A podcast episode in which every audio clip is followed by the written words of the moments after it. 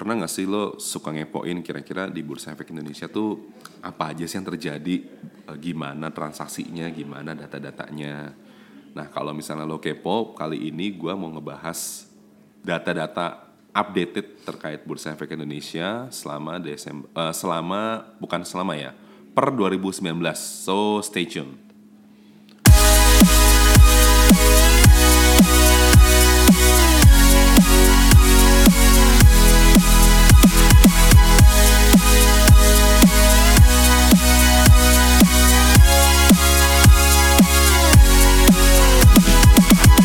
Oke untuk bahas data-data itu, gua nggak sendirian, gua bersama temen gua yang namanya Haidir atau disebutnya MK. Halo M, Halo Mas Banyu. lo panggilannya apa sih enaknya Haidir, MK, Kalau gue sih lebih prefer MK sih Mas. Lebih enak aja di, disebutinnya gitu. lebih enak aja. Jadi kayak SBY gitu ya. SBY semuanya. Jadi MK Muhammad Jokowi Haidir gitu, ya. Jokowi Dodo Jokowi gitu. ya. Iya, lo MK nih ya MK. panggilannya. Oke M, gue mau mulai nih dari eh, ini ini kita eh, sambil baca apa namanya data-data nih guys. So kita mulai dari Indonesia Capital Market at a glance nih judulnya. Jadi ini kita lagi bacain data-data eh, capital market update yang disusun oleh eh, tim eh, analis ekonominya Bursa Efek Indonesia dari divisi riset. Nah ini kalau kita lihat nih, eh, kita mulai dari jumlah emiten, jumlah perusahaan tercatat di Bursa Efek Indonesia sekarang udah ada, ada berapa nih? 661 ya. Ya. 661 itu kalau kita compare dari du- 2000 2009 itu masih 358, naik lima tahun lagi jadi 506 di 2014, terus sekarang ada di 661. Ini kayaknya lumayan ini ya, lumayan kejar target ya bursa ya. Benar. Kalau nggak salah tuh tahun lalu itu emiten ada berapa ya gitu perusahaan tercatat tuh? 70 75 ada kali ya? Ya benar Mas. Iya bener ya, kurang lebih segitu ya. 75-an. Nah itu juga eh, dari itu dari sisi eh, perusahaan tercatatnya. Nah dari sisi investornya sendiri itu kalau kita lihat di 2009 itu masih ada 408.045 di 2014 naik jadi 466.250 ini lima tahun kemudian. Nah lima tahun lagi itu naik pesat banget jadi satu satu juta dua ini gabungan equity sama bond investors. Ini bisa dibilang salah satu inilah ya salah satu hasil eh, yang dicapai oleh bursa terutama bareng beberapa inisiatif in- eh, instansi juga termasuk Teach Me untuk eh, ngepromot eh, berinvestasi di pasar modal terutama pakai kampanye waktu itu Undang Saham di 2015. Dari sisi AB perusahaan sekuritas itu nggak jauh banyak sih. Ini ini udah ini masih sama ya sekitar 105. Itu lokalnya ada 76 perusahaan sekuritas. Untuk yang asing atau joint venture itu ada 29 AB. Nah ini mulai menarik nih kita masuk ke produk-produk yang ada di Bursa Efek Indonesia. Kan kayaknya Teachmate ini taunya kalau nggak salah obligasi doang ya nggak. Iya benar. Padahal kalau kita lihat nih di sini banyak banget ternyata cuy. Lo bisa jelasin nggak em? Oke, nah Mas kalau kita bicara dengan produk pasti kan teman-teman yang baru melek investasi ini cuma taunya saham nih. Kalau nggak saham ya obligasi, SBR, SBN atau ya paling itunya lah reksadana. Padahal di balik itu semua kita masih banyak masih punya banyak nih instrumen investasi. Ada apa aja sih? Nah yang pertama tuh ada ETF. Tuh sekarang tuh di bursa itu ada 37 produk ETF. ETF itu apa em? Nah, kalau ETF itu sebenarnya sama semacam saham dan obligasi tapi dalam bentuk reksadana. Tapi reksadana itu bukan dalam bentuk offline gitu. Itu Istilahnya kalau sekarang itu online. Jadi kalau kita beli reksadana konvensional, kita belinya sekarang, kita baru tahu NAV per unitnya itu besok. Tapi kalau kita beli ETF, kita beli sekarang, kita langsung tahu nih NAV per unitnya berapa. Oke, jadi gampangnya kayak reksadana yang di, dijual belinya itu kayak saham gitu ya. Benar. Reksadananya bursa, ETF, Exchange Traded Fund. Funds. Nah ini dulu gue inget banget eh, zaman-zaman ETF itu kan kalau nggak salah dari 2007 itu baru ada dua ETF. Benar. Dua, eh, lima tahun kemudian sekitar 2013an itu nggak nyampe 10 atau ya paling belasan lah gitu. Sekarang di 2019 itu udah ada berapa ETF? 37. 37 coy. Jadi ini pesat banget terutama di tiga tahun terakhir tiap tahunnya itu bursa ada aja ETF yang baru ya. Da, either dari MI yang lama atau MI yang baru, either dari indeks yang lama atau indeks yang baru. Jadi ini ETF kalau Teachmate perhatikan di pasar modal internasional ini udah popul- populer banget. Eh, di Amerika sendiri itu udah mulai dari tahun 92 kalau nggak salah itu ETF pertama di dunia. Sekarang dia udah ribuan ETF-nya dan emang ini sangat populer banget buat investor-investor pemula. Itu pasti disaranin kalau nggak langsung invest di stocks pasti ETF gitu. Karena ya dari sisi kemudahan, dari sisi diversifikasi risiko itu jauh lebih efektif dibanding eh, langsung ke saham kalau di US sekarang. Gitu. Oke, ETF ada 37, abis itu ini apa nih? Asset backed securities ini apa nih? Nah, selanjutnya ada, apa lagi sih mas? Ini ada asset based securities. Apa sih itu? Itu semacam EBA mas kalau bahasa Indonesia-nya. EBA, efek beragun aset ya. Benar. Jadi underlying-nya aset itu apa aja sih? Nah, ada banyak nih kalau EBA. Ada underlying-nya itu kredit KPR misalnya nih atau kartu kredit. Nah, atau bisa juga nih jalan tol bisa dijadikan EBA gitu, Mas. Jadi kalau EBA sendiri ini ada yang bersifat equities dan yang bersifat liabilities. Nah, kalau yang bersifat liabilities itu contohnya itu seperti ya tadi itu KPR sama kartu kredit. Nah, yang bersifat equities itu ya semacam jalan tol. Nah, sekarang kan udah ada tuh EBA-nya Tol Jagorawi. Jadi teman-teman kalau beli EBA berarti setiap pendapatan dari Tol Jagorawi akan didistribusikan kepada teman-teman nih. Seperti itu, Mas. Oke, jadi ini namanya namanya aja efek beragun aset ya. Benar. Jadi ada efek agunannya itu adalah aset, real asset Ya, gitu. Jadi s- istilah istilah populernya itu sekuritisasi sekuritisasi lah gitu. Nah, ini di Bursa Efek Indonesia sendiri udah ada 14 ya, macam-macam ada yang ada yang ada yang agunannya KPR, ada yang Kartu tadi apa? kredit, Kartu kredit, ada yang ada yang jalan jalan jalan tol tol, ada deh. ada. Udah ada sekarang ya. Ada ada Jagorawi. Oke, nah itu bedanya sama DIRE atau dana investasi real estate atau REITs. Itu apa ya, Em? Nah, kalau EBA itu tuh sendiri kan ya bisa apa aja sih mas. Nah, kalau diri itu lebih spesifik, dia khusus ke properti dan real estate. Nah, properti dan real estate apa aja sih? Ada mall, rumah sakit, apartemen, hotel. Nah, kalau teman-teman di Solo tuh udah tahu belum kalau yang namanya itu Solo Grand Mall.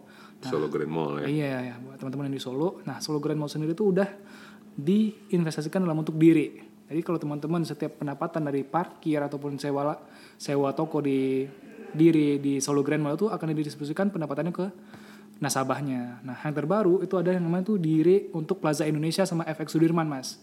Nah, jadi buat teman-teman yang di Jakarta yang sering belanja di Plaza Indonesia, nggak salah dong kalau coba beli REITs-nya diri Plaza Indonesia gitu, Mas. Jadi kita nggak cuma belanja di Plaza Indonesia, tapi kita juga dapat income-nya nanti dari Plaza Indonesia. Lewat Oke, apa? jadi- Lewat diri itu. Jadi dari re- recurring income-nya itu eh, properti apa pun termasuk mall itu dia diinvestasikan di dalam eh, dalam bentuk diri ya. Benar. Oke, di Bursa Efek Indonesia udah ada tiga. Tiga. nih. Udah ada tiga, AUM-nya sekarang udah ada 789 juta USD. Tadi EBA uh, outstanding value-nya ada di 737 juta USD, ETF tadi ada 37, sekarang uh, dana kelolanya itu udah udah mencapai 1 triliun USD. Lumayan gede nih cuy. Tadi udah ada ETF, ada EBA, ada REITs. Nah, ini DINFA nih. Dana infrastruktur ya. Ya, benar. Infrastructure Investment Fund. Ini kita eh, AUM-nya udah ada di 71 juta eh, USD.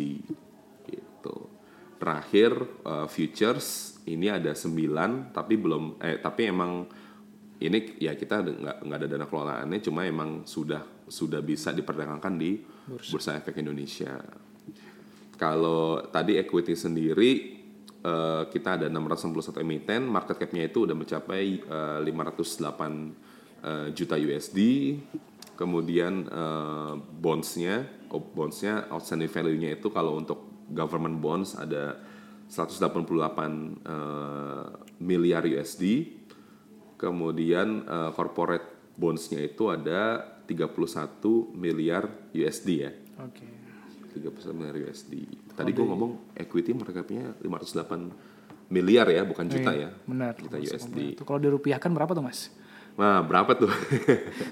Aduh. 508 508 MUSD ya sekarang taruhlah USD 13.000 jadi kurang lebih sekitar 6 6 600 M ya 600 triliun. 6, 6 triliun ya Ya, lebih. 6, T lebih ya market cap ya Iya, benar. Oke. Oke, itu sekilas terkait update eh, pasar modal.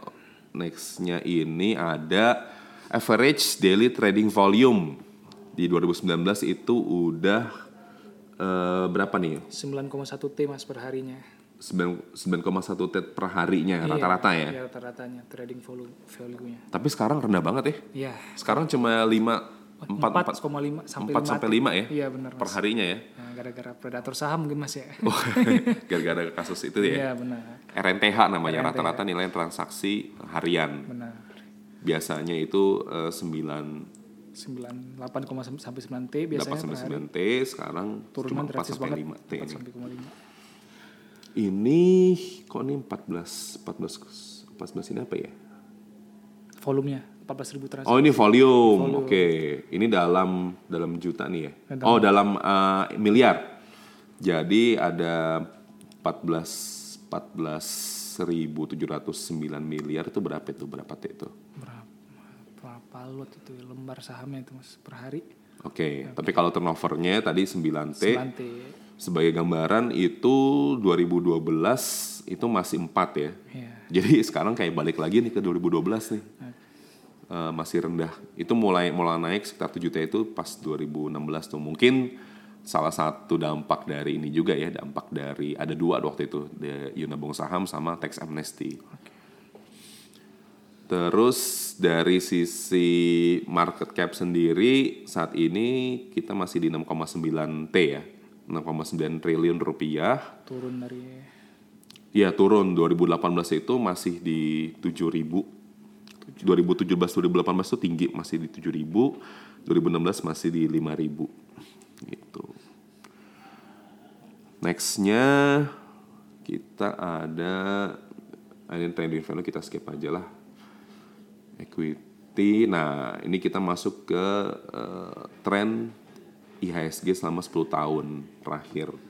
Di 2009 dulu itu IHSG itu masih di 1355 tahun kemarin akhir tahun kemarin itu di 6000 ya 6011 padahal sempat naik juga tuh ya 6000 enam- kita sempat 6500 nggak sih? Sempat 6.600 bahkan mas. sempat 6600 bahkan ya tang- tengah tahun nih kalau nggak salah tuh. Tengah tahun tuh. tapi waktu itu ditutupnya di enam- na- 6011 Nah ini turun nih ya, turun dari 2018, turun 3 Padahal dulu pas 2019, eh pas 10 tahun lalu, itu 2009 itu kita naik 87 karena pas 2008 itu kan krisis tuh sempat eh, sempat na- sempat turun banget. Pas 2009 itu naik banget, ya, jadi 1.300an. Tapi sekarang udah 6.000, tapi eh, kalau compare ke tahun sebelumnya itu turun 3 Nah ini menarik nih IISG versus eh, indeks-indeks di dunia. Kalau kita kalau kita compare eh, selama 2019 saja I- Indonesia atau IISG termasuk yang paling jelek ya. Iya. Karena tahun kemarin tuh parah banget sih. Kita ter, eh, kita banyak banget terdampak dari perang dagang dan macam-macam lah. Belum lagi karena tahun kemarin itu tahun politik. Tapi kalau kita lihat eh, selama 10 tahun eh, periodenya itu kita still one of the best sih. Jadi eh, di sini yang paling tinggi itu eh, US Nasdaq itu dia returnnya sekitar 450 selama 10 tahun. Kemudian eh, Rusia, Rusia itu 374 Nah baru Indonesia nih ISG itu di 343 setengah persen. Jadi kalau uh, Teachmate investasi dari 10 tahun lalu dari 2009 terus nggak terus didiemin itu kurang lebih itu rata-rata akan menghasilkan sekitar 344 persen itu kalau didiemin Modal Avanza dapat eks- dapatnya Pajero ya mas. modal Avanza dapat Pajero coy gitu nah ini ini IHSG ya Oke. ini 300 300 persen menurut gue sih nggak eh, nggak terlalu tinggi kalau compare ke eh, single single stocks ya. Iya, benar. Taruhlah misalnya BCA, BCA gue yakin bisa dua kali lipatnya sendiri nih, bisa 600-an persen sendiri kalau kalau kita invest dari 10 tahun lalu gitu. Belum lagi eh, saham-saham yang lainnya. Cuma kalau kita ngomong ISG secara keseluruhan 10 tahun 300 persen menurut menurut gue sih not bad at all ya. Even one of the best nih, ISG one of the best. Di Asia. Di dunia malah ini kan kita compare eh, Kalau di US, dunia kita nomor Rusia. 3, di Asia kita nomor 1 mas. Di Asia kita nomor satu, kita masih di atas India, eh, Filipina, Thailand, Singapura dan yang lain.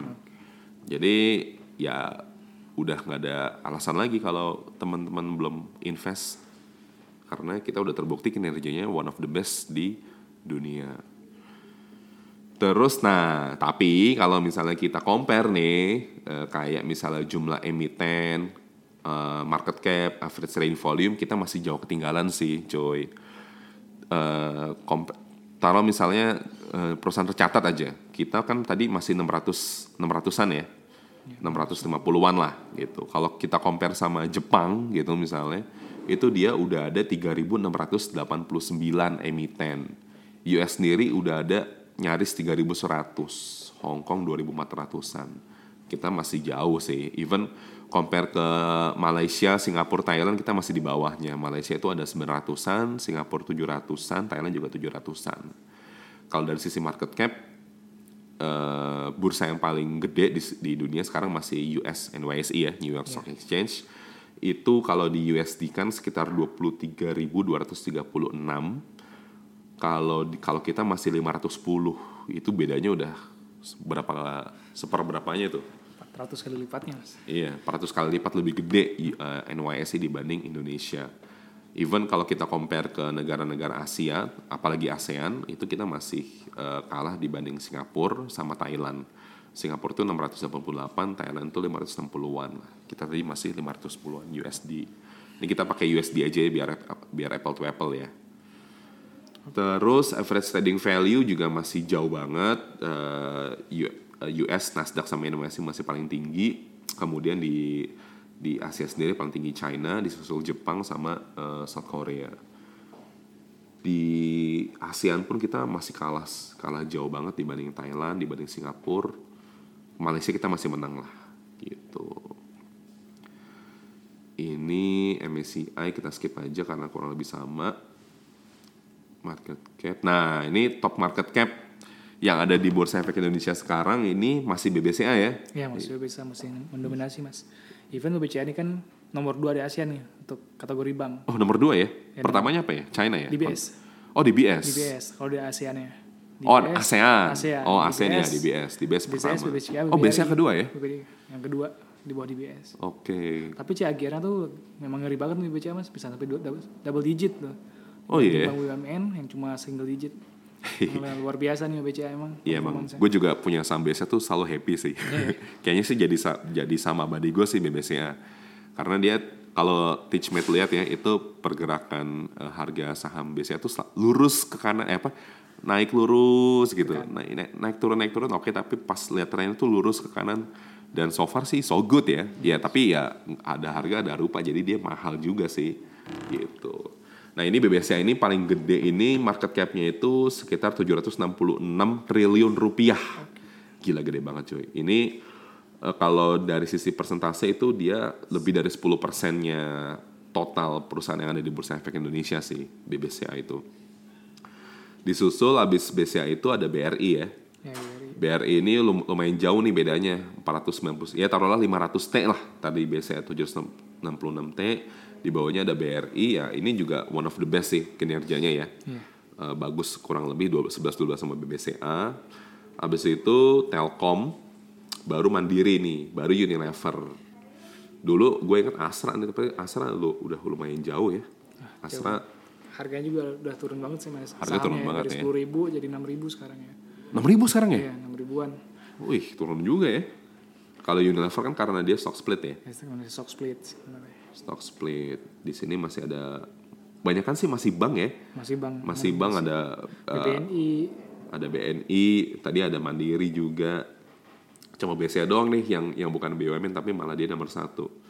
Sisa sisa sisanya masih sama sih kayak Indofood apa namanya Calon Pepohan Sinarmas Gudang Garam Ion TR Yang menarik sih HMSB sama Gudang Garam ya mas ya. Sempat top 5 tapi sekarang udah Oh iya benar. HMSP malah waktu itu eh, termasuk one of the best. Sekarang Iya. mana nih? Nggak kelihatan ya HMSP. 7.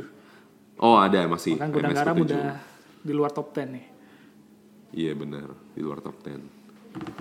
Gitu. Jadi kalau misalnya teman-teman masih bingung mau mau invest di saham apa ya kalau dari gue pribadi sih ya udahlah nggak usah jauh-jauh dari 20 saham ini aja gitu tapi ya jelas udah mahal sih gitu tapi kalau kalau mau benar-benar long term nggak mau pusing ya udah invest di sini aja udah udah terjamin gitu blue chip Dan paling aman dari digoreng-goreng sih mas sebenarnya. Bener, paling aman dari goreng-gorengan ini. Ya siapa juga yang mau goreng? Karena market capnya gede jadi gitu kan. Heeh. Udah nggak terpengaruh lagi sama pergerakan-pergerakan gitu dan orang juga belinya juga mikir-mikir karena udah mahal. Sedangkan yang goreng-goreng itu biasanya masih murah-murah gitu. Ya. Oke, nah ini lumayan menarik juga nih. Jadi ada perbandingan eh, dana yang dihasilkan dari pasar modal versus dari bank. Kalau kita lihat di sini eh, dari pasar modal sendiri itu ada 828 triliun yang di raise yang dihasilkan dari pasar modal untuk pembiayaan eh, di apa namanya di market ya. Kalau bank bank masih jauh lah. Tadi kalau kalau kita pasar modal masih 800-an, bank itu udah nyaris 4000 triliun sendiri hanya di bank ya. Itu make sense. Cuma ya pasar modal jadi salah satu alternatif alternatifnya sendiri untuk pembiayaan karena kalau semuanya dibebankan ke bank ya lama-lama ya bank juga jenuh juga gitu. Makanya kita butuh pembiayaan alternatif pembiayaan baru melalui pasar modal ini.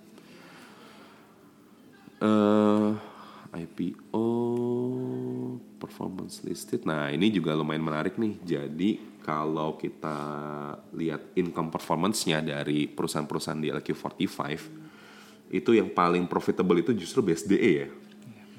Ini compare ke tahun lalu, BSDE ini eh, paling profitable diikuti INTP, MNCN, Wika, baru di bawah-bawahnya ada saham-saham lain. Tapi kurang lebih sih nggak jauh-jauh beda dari saham-saham blue chip sih, saham-saham yang memang paling populer. Nah, ini ini salah satu informasi yang eh, jarang ditemui nih Teachmate. Jadi ada eh, top 20 brokerage firm atau eh, top 20-nya perusahaan sekuritas. Ini ada yang by total trading value, ada yang by net adjusted working capital. Kalau yang eh, net trading value bisa bacain nggak M? Itu yang paling gede siapa M? Nah kalau berdasarkan total trading value-nya Mandiri Sekuritas masih mendominasi sih mas. Mansek ya? Mansek nih masih dengan total trading tuh 321 triliun sepanjang 2019. 321 triliun sepanjang 2019. Jadi Mansek masih yang paling gede by trading value diikuti sama Yang menarik nih yang kedua tuh Mirai Aset Sekuritas. uh Mirai ya, lah asing ya. Asing tapi demennya investor retail nih. Iya, tapi kan ba- banyak investor retail buka akunnya di Mirai nih. Mirai benar. Berapa investor retailnya ju- punya power 194 triliun. Uh, gede juga nih. Gede juga nih potensinya. Terus ada lagi nih si CMB di posisi 3. Kemudian ada UBS Sekuritas di keempat, asing juga. Oh, CMB sama UBS tuh gede ya. Gede banget mas. Kalau trading value ya. Ya trading value-nya sampai 180 T untuk CMB dan 178 T untuk UBS. Nah di posisi 5 sendiri itu ada Morgan Stanley dengan 162 T. Nah yang keenam tuh ada CLSE, Macquarie, Maybank, Indo Premier. Maybank, Indo Premier baru yang top yang 10 ya. Benar. Baru yang bawah-bawahnya ada Valbury, JP Morgan, Snarmas dan lain-lain itu di bawahnya. Masih asing masih mendominasi sih mas kalau kita lihat dari top 10 ini. Iya. Tapi Mandiri Sekuritas masih juara lah. Tapi tadi tadi kan by total trading value. Benar. Tapi kalau di modal kerjanya net adjusted working capital ini kurang lebih eh, lumayan beda nih. Mostly di domain sama asing ya. Paling gede itu Credit Suisse. Itu dia working capitalnya itu ada 1000 eh, 1 T nih berarti ya. Ya 1 T benar 1,8 T. 1 T working capitalnya buat Credit Suisse, habis itu baru Mirae, habis itu ada JP Morgan, Enaco Rindo, Maybank. Baru eh, yang paling gede eh, lokalnya itu Panin sama BCA Sekuritas. Gitu. Totalnya eh, total trading value ya sama sih tadi eh, 4000 triliun eh, dari 20 dari 20 AB teratas yang paling teratas Mandiri baru Mirae. Jadi ini kayaknya juga salah satu representasi retail juga ya. Benar. Retail banyak yang di Mansek, banyak yang di Merei juga soalnya. Oke, itu tadi kita ngomongin perusahaan sekuritas. Nah, ini adalah ini kita skip aja. Ini perbandingan antara komposisi investor asing sama komposisi investor lokal. Nah, ini juga menarik nih. Kalau sekarang banyakan mana nih? Kalau by owner- ownership banyakan oh masih banyakan asing ya. Tapi, udah lumayan tipis ya. Udah tipis mas dari 35 banding 65 di 2014 sekarang cuma 48 banding 51. Nah, itu 48 banding 51 kalau masih tahun lalu itu masih gede di asing tuh. Masih 65% asing, 35% lokal, tapi sekarang udah mulai tipis banget nih eh, lima tahun belakangan ini. Eh satu tahun satu tahun ini nih. Jadi lima tahun belakangan semakin tipis ownershipnya ya mungkin aja tahun depan atau dua tahun depan itu ownership paling gede di lokal justru ya. Iya benar mas. Potensi kita juga sangat besar mas. Kan ada nih, apalagi dengan kesadaran milenial nih untuk menabung di saham segala macam. Dan juga potensi-potensi di daerah seperti itu mas. Mungkinan ya dua tiga tahun lagi kita bisa take over lah kepemilikan saham asing di pasar Iya. modal kita. Kenapa ini penting? Karena once kita ada yang namanya perang dagang lah atau isu-isu mancanegara, itu kan investor asing lebih eh, sensitif ya sama sama isu-isu yang gituan. Jadi once dia tarik ya udah kita eh, layu juga. Layu juga. Beda kalau misalnya yang yang banyak eh, oh, apa namanya eh, Ownership-nya itu ownership-nya itu banyak lokal ya isu-isu di asing belum tentu langsung berdampak banget sama pasar karena banyak di- dimiliki oleh investor domestik. Tapi kalau dari trading activity itu justru semakin gede ya ju- investor domestik ya Suka trading nih. suka trading banget nih.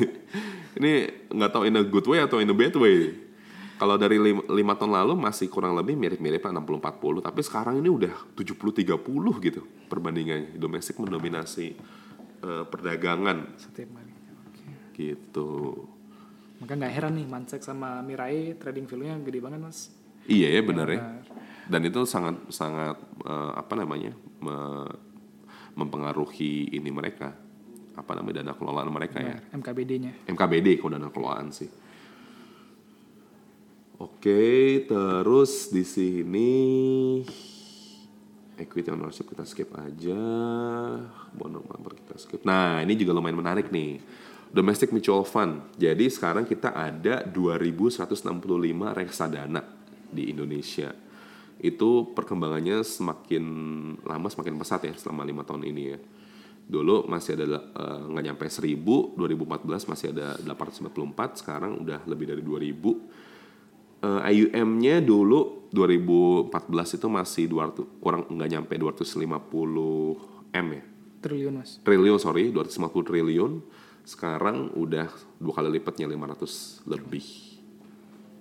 Di sini kalau kalau reksadana kalau MI itu paling gede sekarang siapa sih M? Kalau data terakhir sih mas masih di Batavia sama Mandiri, sama Mandiri Investasi. Di mereka tuh kayak balap balapan gitu. Jadi bulan Batavia lalu sama Mandiri ya. sama Mandiri itu asetnya gede banget tuh 40 T. 40 T sendiri ya. 40-an T. Mandiri sih yang yang paling sering gue ini sih, yang paling sering gue lihat paling paling tinggi sih Mandiri Manajemen MMI ya, Mandiri Manajemen Mandiri Investasi. Investasi. Oh Batavia juga gede sekarang ya. Jadi gede banget mas. Dulu kan kalau nggak salah tuh Ada masih BN, Skruder, Scruders, terus BNP, BNP. BNP, BNP Paribas. Sekarang lokal-lokal makin ini ya. makin ini Makin makin gede ya? pesatnya kayak Manulife itu kan retail jualannya ke retail seperti itu mas. Asetnya itu udah masuk top 10 seperti itu. Oke, itu tadi yang dari mutual fund. Nah, sekarang pasar modal syariah nih. Nah, pasar modal syariah sekarang udah ada 418 saham, jadi kurang lebih ini udah lebih dari 50 persennya sih. Jadi mayoritas saham-saham di Bursa Efek Indonesia ya itu saham-saham syariah gitu. Itu sekitar 63 persennya ya. Market cap-nya juga sekitar 53 persennya itu udah saham syariah. Jadi ini lumayan lumayan pesat juga nih pertumbuhannya.